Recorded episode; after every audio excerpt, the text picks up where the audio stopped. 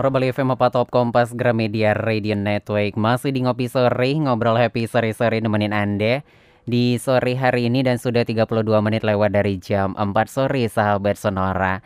Seperti yang saya bilang tadi di hari ini tanggal 7 April 2022 ini bertepatan dengan Hari Kesehatan Internasional. Dan tentunya spesial banget juga sore hari ini kita akan ngobrolin tentang kesehatan yaitu menjaga kesehatan di tengah pandemi yang masih kita harus lalui sekarang dan juga bertepatan dengan bulan puasa sahabat Sonora bagi sahabat Sonora yang sedang menjalankan semoga semua diberikan kesehatan dan juga kelancaran. Sore hari ini di studio Sonora sudah hadir uh, dokter tentunya ya dari Rumah Sakit Bayangkara Denpasar, sahabat Sonora, ada Dokter Gede Oki Ariantana SPP. Selamat sore dokter, apa kabar? Ya, selamat sore. Sehat ya dok ya? Iya, sehat. Oke dok, ini uh, udah praktek? Dari praktek atau gimana nih? Iya, habis praktek. Meluangkan waktu ya, ya kita ngobrol ya berbagi informasi kepada sahabat Sonora karena hari ini bertepatan Hari Kesehatan Internasional seperti itu. Nah ini pembahasan kita kan secara umum ya dok ya menjaga kesehatan seperti itu. Tapi tadi eh, sempat kita ngobrol juga dokter ini kebetulan memang spesialis paru dan memang pas banget di tengah pandemi gitu ya dok ya nanti mungkin akan uh, menyinggung juga tentang kesehatan paru seperti itu. Tapi sebelum itu nih dok, secara umum ini bisa dikasih tahu kepada sahabat Sonora uh, menjaga kesehatan seperti itu mungkin dari makan dulu gitu ya. Seperti apa sih dok uh, yang namanya menjaga kesehatan secara umum dulu terhadap masyarakat? Ya, uh, untuk menjaga kesehatan memang kan uh, nutrisi itu paling penting ya. Itu yang pertama. Nutrisi seperti kita ketahui ya empat sehat lima sempurna tentunya hmm. ya. Kalau itu terpenuhi, kemudian kita lanjut ke masalah uh, fisik hmm. fisik dan psikis tentunya ya walaupun kita misalnya makan sudah bagus empat sehat lima sempurna tapi kita stres misalnya tentunya imunitas kita akan menurun hmm. nah mudah akan sakit kan gitu jadinya di samping makanan yang bagus tentunya psikis juga harus baik ya misalnya hmm. kita perlu happy ya melakukan hobi misalnya refreshing nah itu penting juga di samping makanan hmm. nah menurut saya gitu Oke, nah ini ngomongin makanan ya dok ya, apalagi zaman sekarang kan makanan beragam banget nih. Ya. Ada yang mudah banget kita dapatkan, tapi belum tentu itu sehat buat kita ya, gitu ya. ya. Enak banget, tapi ternyata nggak sehat banget buat kita. Ya. Mungkin dari sederhana gitu dok, kita sebagai masyarakat ya, uh, gimana sih cara memilih makanan yang pas nih untuk kita membuat kita imun kita bagus, terutama tengah pandemi seperti sekarang gitu. Uh, ya secara umum sih sebenarnya kalau yang baik kan memang makanan yang uh, apa namanya tidak fast food sebenarnya ya hmm. ya yang tidak cepat saji tentunya itu tidak baik untuk kesehatan kita kalau kita makan sehari-hari misalnya di rumah dimasak dengan baik yang kita tentu tahu kontrol uh, kebersihannya hmm. ya tentunya akan lebih baik untuk kesehatan kita hmm. yang tentunya yang, yang dihindari saat ini dan uh, ke depannya memang yang uh, fast food seperti hmm. itu ya hmm. mungkin dikurangi ya Hmm, okay, Karena kan tidak tidak bisa lepas itu kan ya. Karena di mana-mana ada Facebook itu. Tinggal buka handphone. ya, ya handphone. Nah, itu dia. Oke, okay. nah dengan dimanjakan sekarang tadi uh, Facebook ini dengan kita buka handphone, uh, tidur di rumah gitu ya, makanan datang, ini kan membuat kita kayak uh, males, males gerak ya, ya dok ya. Sekali. Padahal kita kan uh, kalau disarankan berolahraga. Iya benar itu, itu nah, bagian. Ini olahraga, ini kan ke arah fisik gitu ya dok ya. hmm. ya kadang juga gimana sih dok? Mungkin bagi pemula terutama kayak saya nih orangnya mageran gitu ya mm -hmm. pengennya rebahan mm -hmm. aja. Untuk memulai olahraga ataupun saran dari dokter ini seperti apa sih olahraga-olahraga yang bermanfaat tapi ringan nih kita lakukan gitu? Uh, sebenarnya kalau olahraga itu yang pertama adalah niat sebenarnya. Ya itu paling itu penting yang susah ya, ya, ya? ya itu paling penting. Dasarnya adalah niat. Kalau kita niatnya ada kuat uh, otomatis kita akan bisa melangkah ke selanjutnya misalnya menggerakkan badan hmm. langsung lari jogging misalnya seperti itu ya kalau emang niat kita tidak ada nah itu kan susah sekali untuk memulai apalagi dari bangun tidur seperti itu ya kemudian uh, mungkin yang bisa memacu juga ada teman mungkin ya oh, kalau kita melakukan iya, iya. aktivitas mau olahraga kita ada teman nah misalnya naik sepeda atau jogging ada teman yang kita ajak hmm. mungkin kita sedikit memotivasi untuk uh, melakukan aktivitas ringan olahraga hmm. ringan ya hmm itu olahraga itu kan bervariasi ya ada ringan hmm. sedang berat ya kalau yang ringan uh, mungkin bisa dari jalan santai dulu ya hmm. uh, di samping inten apa namanya di samping uh, tingkat uh, ringan sedang berat juga intensitasnya itu penting ya Oh. misalnya uh, yang paling dianjurkan tiga kali seminggu kurang lebih 15 menit setiap kali latihan Oh, Ya, tiga kali gitu. seminggu Iya. sekali latihan 15 menit. Iya itu Oh. rutin continue jangan sekarang olahraga lari misalnya berapa putaran Besok enggak. besok enggak minggu depan baru lari itu enggak ada gunanya Oh. ya yang paling penting kalau menurut dari uh, apa namanya di kesehatan paru itu continue yang paling Hmm. penting ya continue dan konsisten gitu loh Oke, jadi Iya. kalau emang setiap hari Rabu, mungkin sama Minggu terus gitu ya, Dok ya. konsisten gitu loh. Oh. Uh, uh, uh. Kalau cuman Senin Kemis dan bolong-bolong tidak ada gunanya. Sekarang Iya. ngampet nih olahraga Iya, besok ngampet olahraga. seminggu enggak Biasanya, gitu. Nah, itu kurang baik tuh. Oh, Iya. tapi tadi kan eh, ini kan kebetulan dokter spesialis paru gitu ya. Dengan olahraga ini yang mungkin kalau tidak rutin nih gitu ya, Mm. misalnya eh, seperti dibilang sekarang ngampet nih olahraga sejam olahraga, tapi dua minggu lagi olahraga lagi. Apa yang terjadi pada paru kita nih dok? Kes- eh, seperti apa pengaruhnya? Eh, jadinya kan proses kalau di paru ada proses eh, pernafasan ya. Hmm. Uh, pernafasan kalau kita latih continue dengan baik, otomatis kan eh, bagus pernafasan kita plong, lega. Hmm. Ya, kalau kita melakukan eh, aktivitas selanjutnya bekerja itu kan baik Hmm. eh, apa namanya kondisinya. Tapi kalau kita ngampet misalnya, capek langsung. Nah, kita akan melakukan aktivitas berikutnya akan eh, kurang baik gitu loh. Hmm. Ah, gitu dia. Oke, jadi itu Ya, ngaruh ya. itu Tapi ngaruh ya. olahraga yang eh, mungkin eh, dari seorang dokter spesialis paru gitu ya, yang paling eh, disarankan untuk menjaga kesehatan paru kita olahraga yang seperti apa sih dok sebenarnya? Oh, sebenarnya kalau orang normal sih enggak ada, enggak Oh, ada ada. apa namanya eh, khusus ya Hmm. eh, olahraga ini ini enggak. Itu di, eh, setiap orang kan beda-beda nih, ya eh, kemampuan setiap orang berbeda-beda. Apakah dia eh, jogging misalnya, kemudian bersepeda, atau mungkin yang lari. Nah itu, jadi tidak ada tidak ada eh, apa namanya pakemnya. Hmm. Yang penting dilakukan secara sesuai kemampuan, Hmm. ya.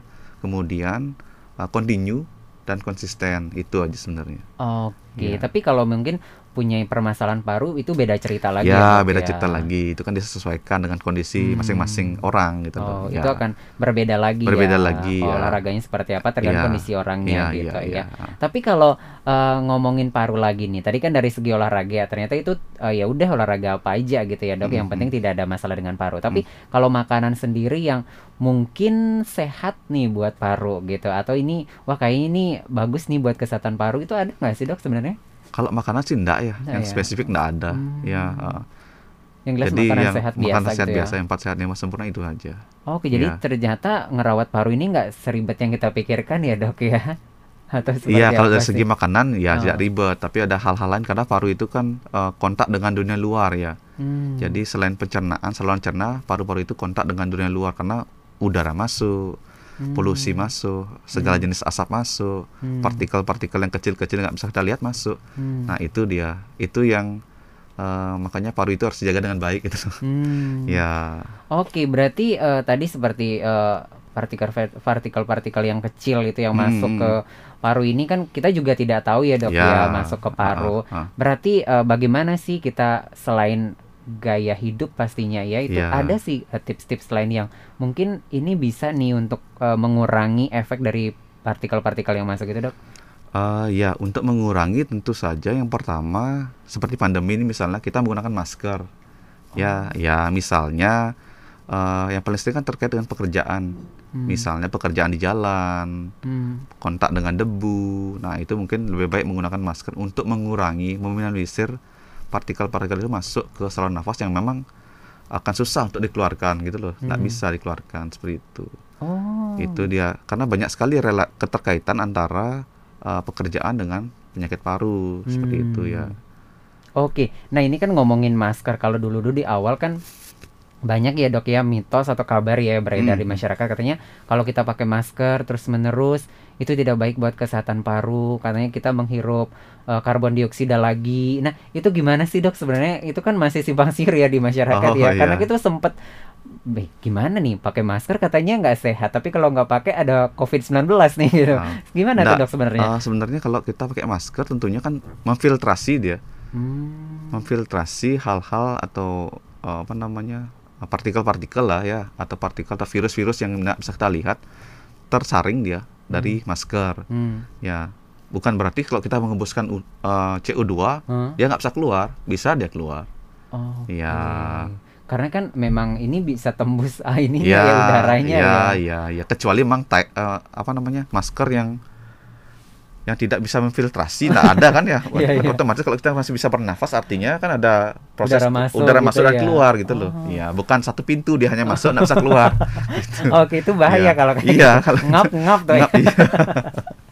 Oke, jadi itu nih sahabat sonora ya. Dan tentunya nanti kita akan bahas lagi di sesi selanjutnya karena kan eh, banyak pengaruh ya terhadap kesehatan kita mulai tadi makanan, terus juga olahraga. Tapi yang terpenting yang sering juga kita baca-baca adalah masalah tidur gitu ya, Dok ya. Mm-mm. Nanti mungkin kita bahas di sesi selanjutnya ya. Bagaimana sih sebenarnya eh, apakah kita harus tidurnya 12 jam atau seperti apa? Nanti kita bahas ya, Dok ya. Iya. Oke sobat sonora nanti kita lanjutkan lagi obrolan kita di Ngopi Sore tentunya kita membahas tentang menjaga kesehatan di tengah pandemi COVID-19 dan nanti juga di saat bulan puasa ini eh, seperti apa sih kita juga menjaga kesehatan kita bagi Anda yang memang tengah menjalankan eh, puasa untuk hari ini ya sahabat sonora. Kita kembali setelah beberapa jeda tetap di Ngopi Sore.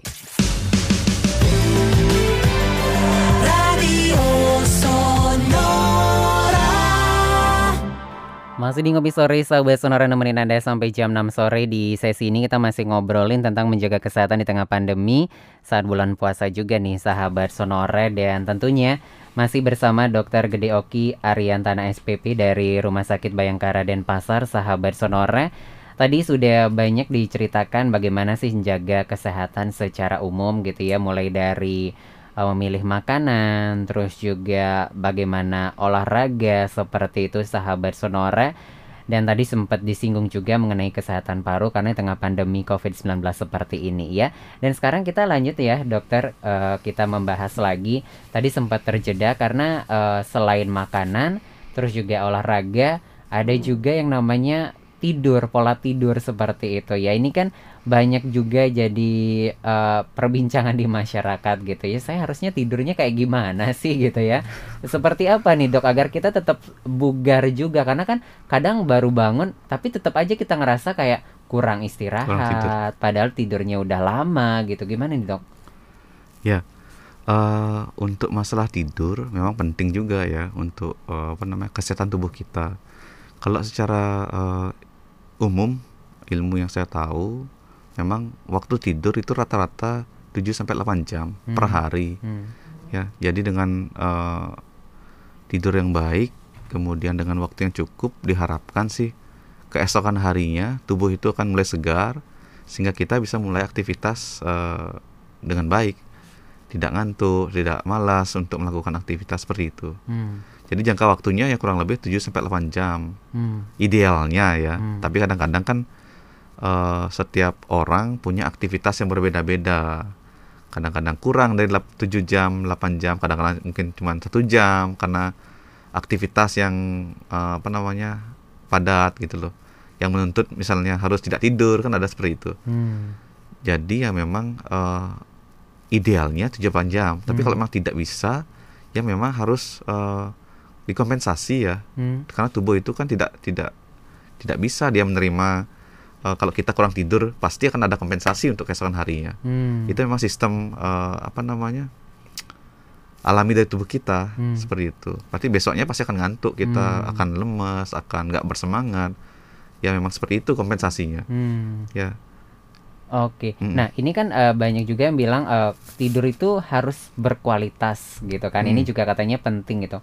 Tidur yang berkualitas yang dimaksud itu tidur yang seperti apa sih dok? ya kalau masalah definisi tidur yang berkualitas itu pertama memang dilihat dari waktunya ya Hmm. waktu eh, waktu seperti saya bilang tadi Hmm. waktunya kemudian yang kedua eh tidak ada mungkin terbangun ya jadi yang Oh deep nggak tengah malam gitu ya terbangun gitu. ya Oh. deep sleep itu ya Hmm. karena dengan tidur yang eh, apa namanya baik kalau kita keterbangun kita kan susah mulai tidur lagi Iya, iya, nah iya. itu kayak kurang berkualitas misalkan kalau tergantung profesi misalnya kan saya sebagai dokter Hmm. malam-malam telepon bangun Hmm. tidur lagi lagi bangun lagi nah itu kayak, kayak kurang berkualitas Hmm. ya tentunya kan keesokan harinya seperti saya bilang akan kompensasi dia pasti akan agak mengantuk Hmm. pasti seperti itu Oke, Ya. tapi kalau misalnya malamnya kita nggak cukup tidur boleh nggak sih dok kita ganti dengan tidur siang gitu misalnya?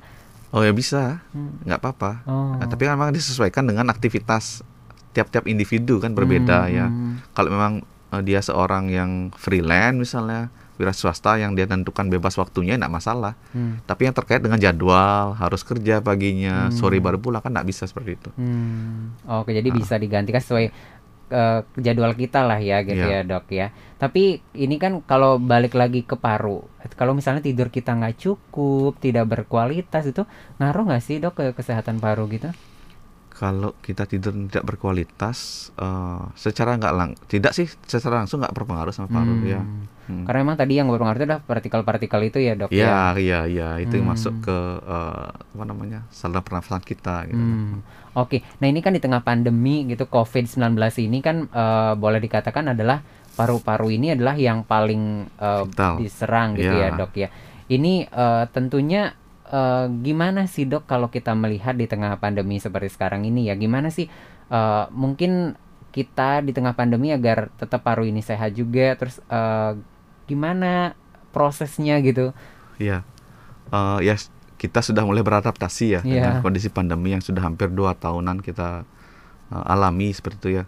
Jadi memang konsepnya adalah tetap yang eh, apa namanya pertama menggunakan masker, Hmm. tetap itu eh, social distancing, menjaga jarak, kemudian eh, mencuci tangan, menghindari kerumunan. Nah itu tetap yang dari dari yang diterapkan oleh pemerintah tetap kita harus lakukan Hmm. karena memang kan eh, virus ini kan tidak bisa kita lihat Hmm. ya kita nggak tahu ini ada virus apa enggak kan nggak Hmm. tahu apalagi dengan berbagai macam varian Hmm. yang muncul seperti itu dengan kita tetap melakukan eh, himbauan dari pemerintah ditambah kita melakukan vaksinasi ya sampai ada yang booster Hmm. diharapkan semua masyarakat mengikuti booster eh, vaksinasi booster itu akan mengurangi eh, resiko kita untuk terpapar terinfeksi Hmm. itu yang pertama. Yang kedua, di samping kita mengikuti saran pemerintah, memvaksinasi, kemudian untuk menjaga imunitas penting untuk uh, makan yang bergizi seperti saya bilang tadi, kemudian olahraga yang teratur,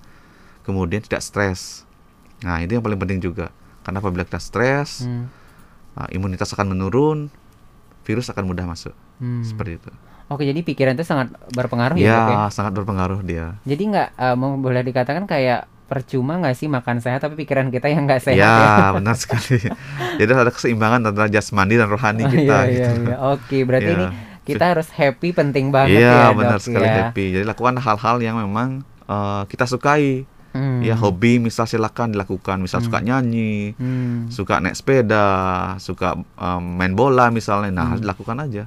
Oke, Ya, berarti ah. tengah pandemi ini kita juga harus tetap berolahraga ya, dok ya, ya? tetap olahraga sebenarnya idealnya seperti itu. Tapi Hmm. tetap memperhatikan ya Hmm. kondisi lingkungan sekitar. Ya Hmm. Kalau berkerumunan janganlah kita menghindar dari berkerumunan seperti itu. Hmm, mungkin di halaman rumah ya, gitu ya. yang sederhana sederhana saja lah. Oke, Iya. dan tentunya apalagi sekarang kan mungkin beberapa udah mulai kerja ke kantor ya, tapi Mm-mm. masih ada juga yang WFH ini kan juga menjadi PR juga ya dok ya, karena kan kalau WFH kita semua semuanya dalam rumah nih, Iya iya. gerak kita juga agak berkurang. Ada tips khusus nggak sih dok, misalnya kalau kita yang masih WFH gitu ya lebih banyak di rumah, eh, hal-hal sederhana yang mungkin bisa kita lakukan juga gitu. Iya. Kalau kita FWFH kan lebih banyak duduk ya. Iya. Ah, mungkin ada setelah satu jam duduk mungkin kita bisa exercise ringan lah Hmm. menggerakkan tubuh kita berdiri Hmm. kan ada tuh kalau eh, kalau kita ikut seminar-seminar eh, offline yang yang dulu-dulu kan Iya. misalnya kita berjam-jam duduk pasti peserta suruh duduk meregangkan badan nah itu untuk Oh. ya exercise ringan lah Hmm, Ya. bisa kita lakukan setiap bisa kita jam lakukan gitu ya. misalnya kita satu jam dua jam duduk mengetik misalnya di Hmm. depan komputer habis itu kita refresh sebentar Hmm, Ya. atau sekedar ngambil air ke dapur ya gitu ya jalan, jalan gitu ya. ya. Oke, ini memang eh, apa ya gampang-gampang susah gitu Ya, gampang-gampang susah.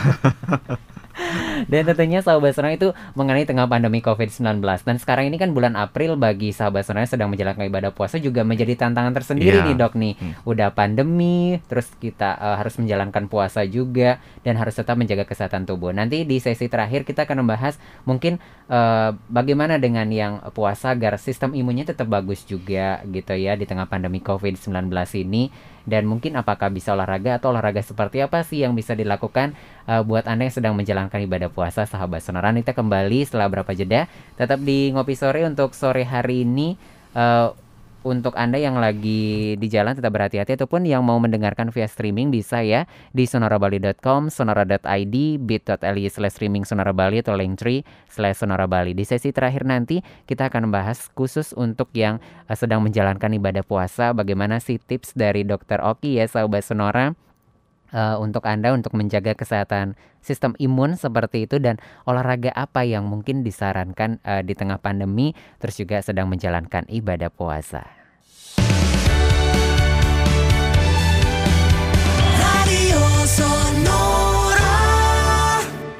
Sonora Bali FM 4 Top Kompas Gramedia Radio Network masih di Ngopi Sore di sesi ini dan ini sesi terakhir ya obrolan kita menjaga kesehatan di tengah pandemi dan juga saat bulan puasa sahabat Sonora tentunya bersama Dr. Gedeoki Ariantana SPP dari Rumah Sakit Bayangkara Denpasar sahabat Sonora. Tadi udah panjang banget ya pembahasan kita mengenai dari bagaimana menjaga kesehatan, terus juga secara umum ya, bagaimana juga kita berolahraga, terus uh, tidur seperti apa juga dan khususnya di pandemi juga tadi sudah dibahas sahabat Sonora. Dan sekarang kita bertepatan juga di bulan April ini bulan puasa bagi sahabat Sonora yang sedang menjalankan. Ini tentunya uh, pingin tahu juga nih dokter ya bagaimana sih mungkin uh, menjaga sistem imun bagi sahabat Sonora yang sedang menjalankan ibadah puasa seperti itu. Di tengah pandemi juga sistem imun kita harus tetap baik seperti itu. Gimana nih dokter Oki? Ya uh, bulan April ini kan uh, apa namanya orang Muslim yang menjalankan ibadah puasa tentunya tetap harus uh, menjaga imunitas kita ya di tengah pandemi. Uh, memang puasa kan dibalik dia, ya hmm. makan apa tidak makan dari pagi sampai sore, kemudian uh, baru malam mulai makan seperti itu. Tetap yang diperhatikan sebenarnya untuk saat puasa, yang pertama konsumsi makanan tentu saja yang itu yang paling penting ya. Jadi uh, setelah kita berpuasa kemudian uh, mulai buka puasa, nah itu harus konsumsi makan makanan yang bergizi tentunya ya, hmm. yang empat sehat lima sempurna yang saya sebutkan tadi. Uh, tetap air putih juga penting, tidak boleh kita kekurangan air putih, jangan terlalu makan yang terlalu manis seperti itu ya. Hmm.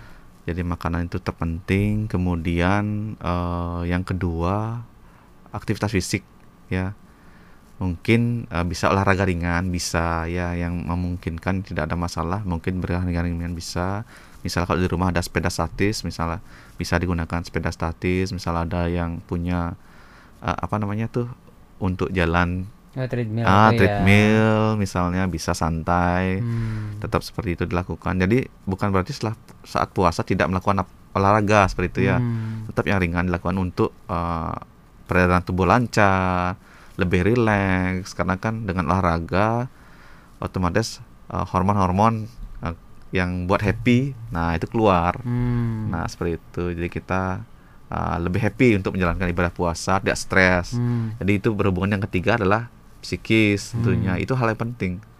Tiga hal komponen itu penting untuk menjaga imunitas. Misalnya kita makan sudah bagus kemudian uh, exercise bagus ringan latihan tapi stres. Nah itu rugi ambruk, juga ambruk ya, semuanya iya jadinya psikosomatis oh, nah, okay ya dari psi dari psikis mengakibatkan sakit fisik hmm. nah itu namanya psikosomatis jadi oh. uh, uh, jadinya mual muntah tiba-tiba hmm. nyeri ulu hati kayak orang mah itu loh okay. iya dikasih obat mah macam-macam tapi ternyata uh, psikisnya yang nggak bagus ya. iya psikisnya nggak bagus maka sangat penting sekali di saat pandemi seperti ini ya hmm. uh, dengan ibadah kan tentunya dengan melakukan ibadah dengan baik khusyuk seperti itu lebih bahagia lebih ikhlas menghadapi masa pandemi yang memang sulit ya. Hmm. Tidak semua orang bisa melalui masa pandemi dengan baik seperti itu ya. Hmm. Karena kan uh, pekerjaan, nah, ekonomi, nah itu pasti akan berpengaruh dampaknya. Hmm. Mungkin dengan ibadah dengan baik, kusyuk, bersyukur, ikhlas, lebih rileks. Nah, imunitas tentunya akan lebih baik. Oke, ya. jadi ini memang pikir lagi-lagi pikiran ya dok ya, ya pikiran itu sangat sangat penting itu pikiran ya iya agak susah juga iya, ya mengontrol iya. apa susah itu iya itu vital oke iya berarti untuk menjaga pikiran kita tetap baik tadi salah satunya adalah mungkin kita bisa menjalankan hobi kita ya benar gitu ya, ya. kalau hobinya ya sepedaan ya udah sepedaan, sepedaan. misalnya gitu. bermusik misalnya main gitar ya main gitar nggak apa-apa oh. saat senggang bisa dikerjakan untuk Oh. mengembalikan mood. Nah, seperti itu ya. Oke, tapi agak susah kalau yang punya hobinya ngegosip ya dok ya. Ah, ini ini, agak, ini out of the box ini. ini agak susah sih ya. Mau dijalanin tapi ya kok Iya. negatif Ya, gitu ya. bulan puasa lagi kan nggak boleh tambah itu. Amalnya berkurang. Iya. Oke dok, ini di sesi terakhir nih dok. Apa yang ingin disampaikan buat sahabat Sonora untuk menjaga kesehatan? eh, mungkin di tengah pandemi juga di saat bulan puasa secara eh, keseluruhan seperti apa nih dokter Oki? Ya, eh, mungkin saya rangkum aja dari Iya. tadi ya. Eh, eh, yang pertama tetap kita makan makanan yang lima sehat lima sempurna ya. Empat sehat lima sempurna tetap. Yang kedua aktivitas fisik. Jangan lupakan aktivitas fisik. Yang penting rutin, konsisten itu yang penting ya. Kemudian yang ketiga eh, apa namanya psikis kita ya. Eh, melakukan hobi-hobi apa kesukaan kita supaya kita tidak stres untuk meningkatkan imunitas. Kemudian yang keempat di saat pandemi tetaplah uh, mengikuti anjuran pemerintah untuk melaksanakan 5M seperti itu ya. Hmm. Memakai masker, itu mencuci tangan itu wajib terus dilakukan, jangan pernah bosan. Anggap itu sebagai kebiasaan baru. Nah, itu ya. Uh, kita tidak boleh lengah di tengah pandemi. Hmm. Kasus memang sedang menurun tapi kita tidak tahu apa yang terjadi ke depannya, tapi kita was- was- waspada. Yang kelima, uh, ayo kita vaksin. Hmm. Ya, mari kita vaksin untuk orang-orang eh, yang apa namanya usia tua, ada komorbid terutama, kemudian dewasa, anak-anak, ayo kita vaksin. Kemudian untuk jadwal yang sudah booster, eh, silakan eh, kita eh, vaksin booster ya untuk kita bersama. Hmm. Mudah-mudahan eh, ke depannya kita bisa melalui pandemi dengan baik Hmm. ya dan berakhir tentunya ya. Itu Oke. harapan kita semua. Baik, dan tentunya em, seharusnya di eh, waktu sekarang ini udah tidak ada lagi alasan untuk takut vaksin ya dok ya. Di udah lama banget nih Iya, gitu tidak ada ya. takut lagi alasan untuk vaksinnya, harus Oh. kita vaksin. Oke, baik terima kasih Dokter Gede Oki Ariantana SPP sudah berbagi informasi sore hari ini. Kita jumpa lagi lain kesempatan ya dok ya. Iya, Oke, selamat sore dok. selamat sore. Oke sobat sonora itu di obrolan kita tentunya sore hari ini mudah-mudahan ini bisa menjadi bekal kita juga di tengah pandemi COVID-19 atau nanti di kehidupan kita sehari-hari agar tetap bisa sehat terus juga buat Anda yang sedang menjalankan ibadah puasa semuanya dilancarkan dan tetap sehat juga sahabat sonora. Obrolannya sampai di sini dulu tapi ngopi sore masih saya lanjutkan sampai nanti di jam 6 sore tetap di ngopi sore.